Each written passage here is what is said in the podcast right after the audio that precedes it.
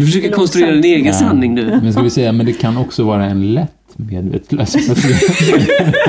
Lite lätt medvetslös här. Okontaktbar, det kan jag nöja mig med. Men om du är okontaktbar då, är du inte Ja. medvetslös per definition då eller? Nej, det tycker jag inte. För då kan det ju vara så att du kan reagera på I så fall är jag medvetslös flera gånger om dagen. På föreläsning. Ja. Ja, men kör. Ja, jag tar okontaktbar.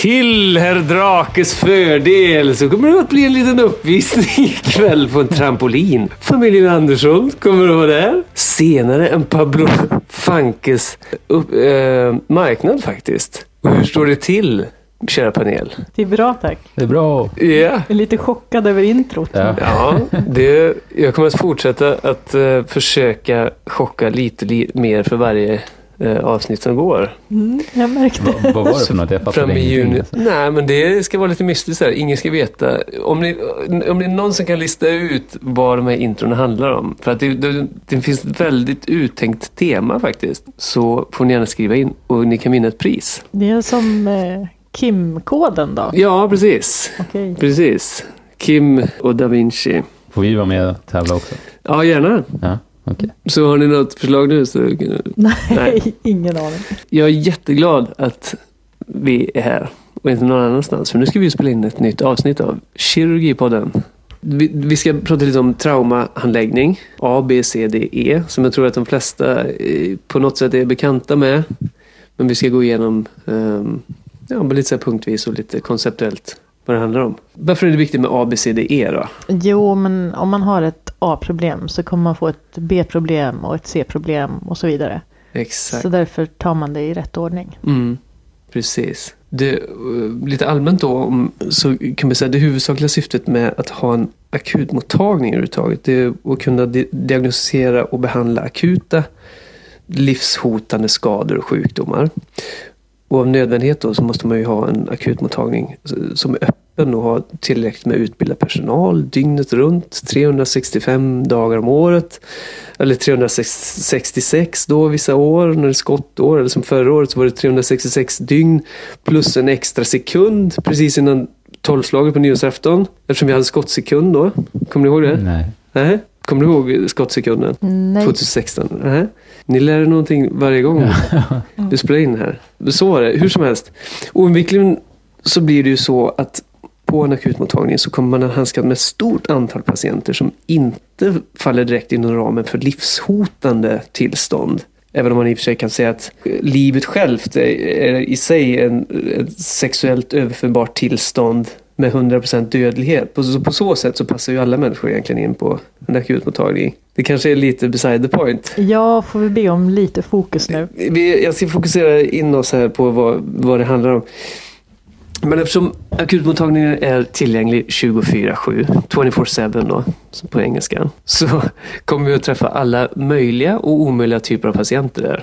Och det är nog en av de mest givande aspekterna av att jobba på en akutmottagning, tycker jag.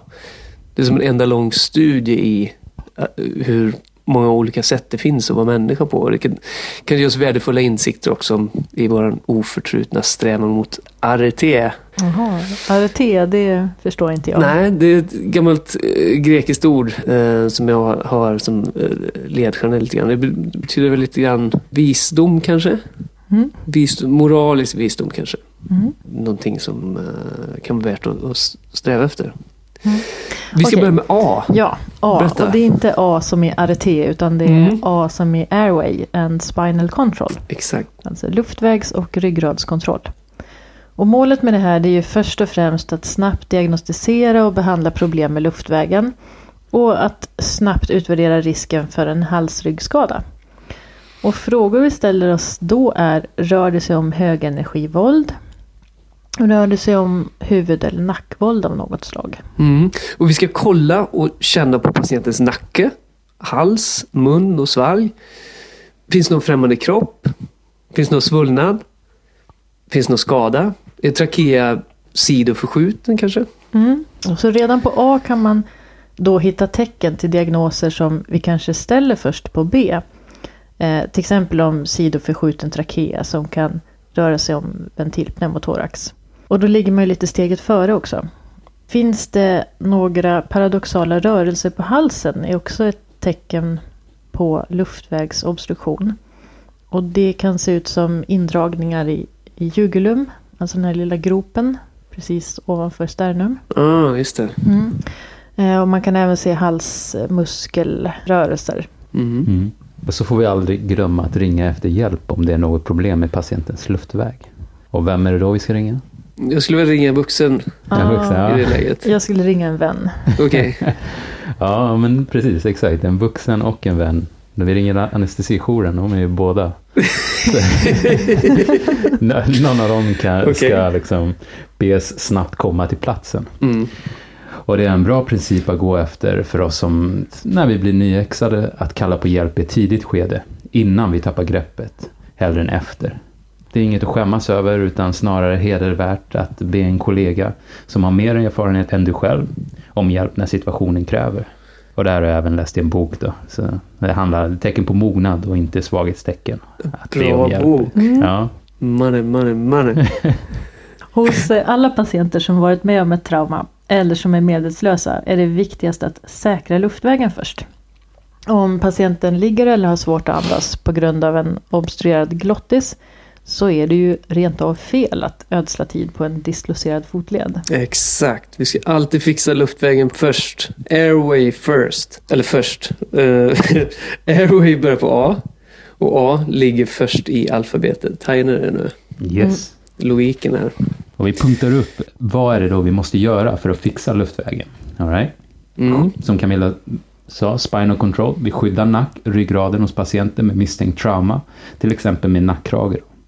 Vi kan också rensa mun och svalg från främmande föremål som till exempel mat, snus eller löständer. Vi kan flytta tungan anteriort med haklyft eller käklyft. Sätta i orofaringeal luftväg eller, ja, vad kallas en sån? Eh, näskantareller. Nej. Nej, tvärtom. Ja, Orofaring- det, precis. Tvärtom.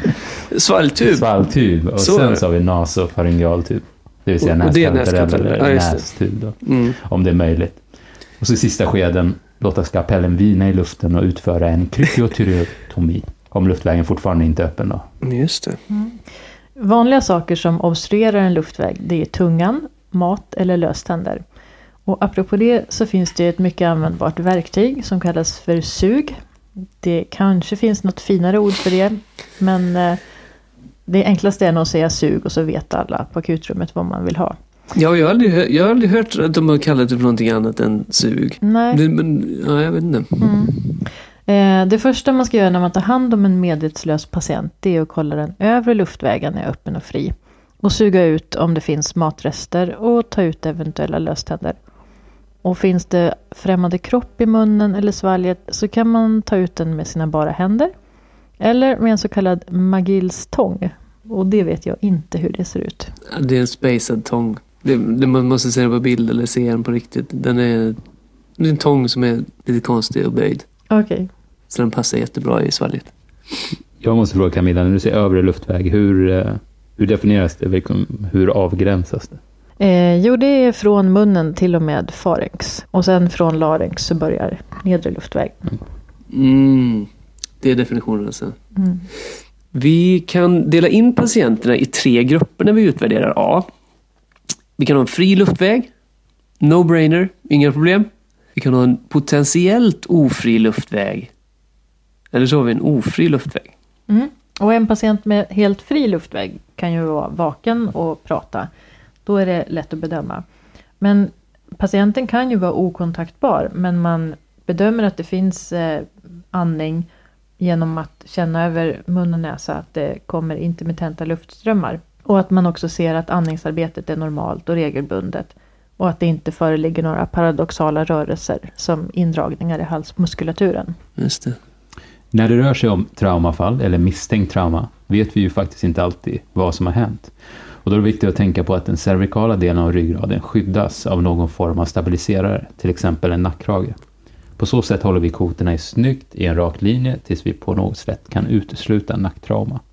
Det, det är säkert jättebra. det. Men vet, du vad det, är för, vad det finns för evidens för att en stel nackkrage faktiskt kan förhindra en förvärring av en nackskada? Mm, det är väl svårt att testa det kanske. Ja, det kanske är lite svårt att testa.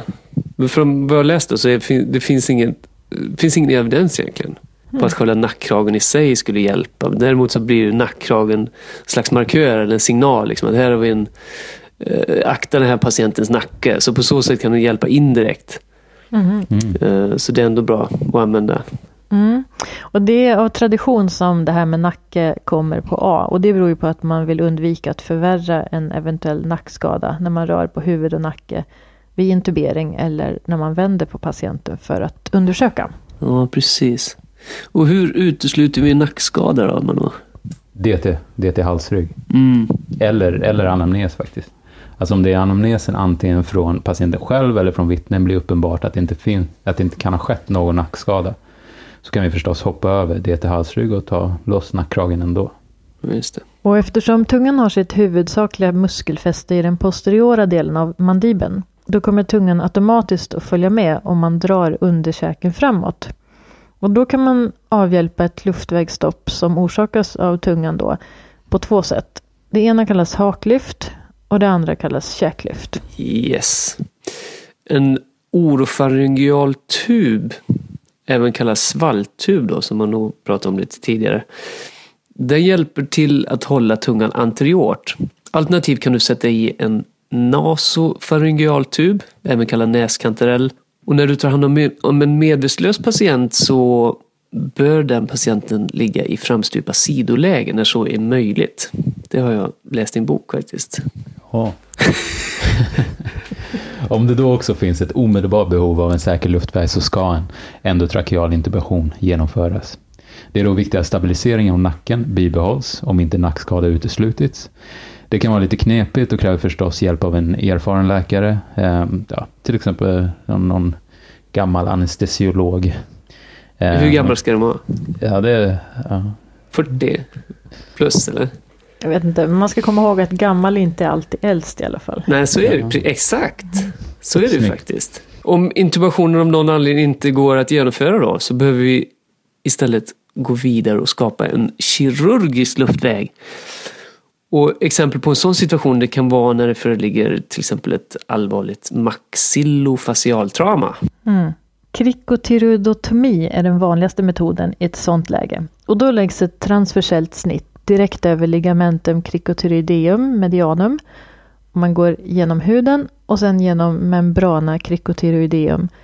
Och så kommer man att höra ett väsande ljud när man kommit igenom. Och det har jag också läst i en bok. Jag läser my- Det är bra böcker alltså. Bra böcker. Sen när man kommit igenom så är det bara att försiktigt köra in en liten tunnare 57 mm endotrakealtub. En mindre erfaren läkare kan istället använda en grov PVK eller kanyl och på den sätter du på en tvådelare, helst Y-formad. Och så kopplar du syrgas till en av grenarna på tvådelaren och sedan kan du sköta in och utandning med den andra genom att täcka för grenen intermittent. Garret? Yes. Och den metoden är ju lite av en quick and dirty method kan man säga. Men eh, det kan eh, köpa dig Manu, eller dig Camilla, ovärderlig tid i väntan på andra åtgärder. Som kan vara till exempel att eh, man gör ett nytt försök att intubera ordentligt. När till exempel larynx har svullnat av eller du har kanske fått ett videolaryngoskop på plats. Eller att man går till nästa steg som är då trakeotomi. Och trakeotomi kommer vi eh, inte gå igenom så mycket mer. Eh, Det är liksom nästa steg av att skapa en kirurgisk luftväg. Men eh, vi drar ett streck där tror jag. Ja. Mm. Och så säger vi att vi har eh, gått igenom A. Mm. Så nu är vi redo att gå vidare till B. I, i, men inte i det här avsnittet, det gör vi i nästa avsnitt då. Mm. Tänkte vi. Och då kan man ju förstås inte hålla på så här länge som vi har gjort med... Med bara A. A, nej. Mm. Nej, precis. Utan man går snabbt igenom alla de grejerna som vi har pratat om idag. Brrr, och sen går man direkt till B och så kör man vidare. Och sen kan man ju re-evaluera hela tiden. Det är det som är så fint. Mm. Och sen såklart så sker ju många av de här grejerna parallellt som vi känner till. Det är inte så att man strikt håller sig bara till A. Om du samtidigt ser att saturationen ligger på 50 liksom, då eh, är det ju inte så att man säger så här, nej, det ska jag inte bry mig om just nu. Utan man gör ju grejer parallellt. Det har jag läst i en bok. Okej. Underbart. Mm. Kan bli en del grejer att klippa bort här. Men jag tror överlag så är det ett fint avsnitt tycker jag. Mm. Det blev inte så långt heller. Nej. Det var skitbra. Och kom ihåg. när ni står där på traumarummet och tar emot en traumapatient och går igenom A, B, C, D, E. Då kan du stå och ordbajsa precis hur mycket som helst. Men du måste bajsa rätt. Fint. Tack och hej. Hej då! Ha det bra.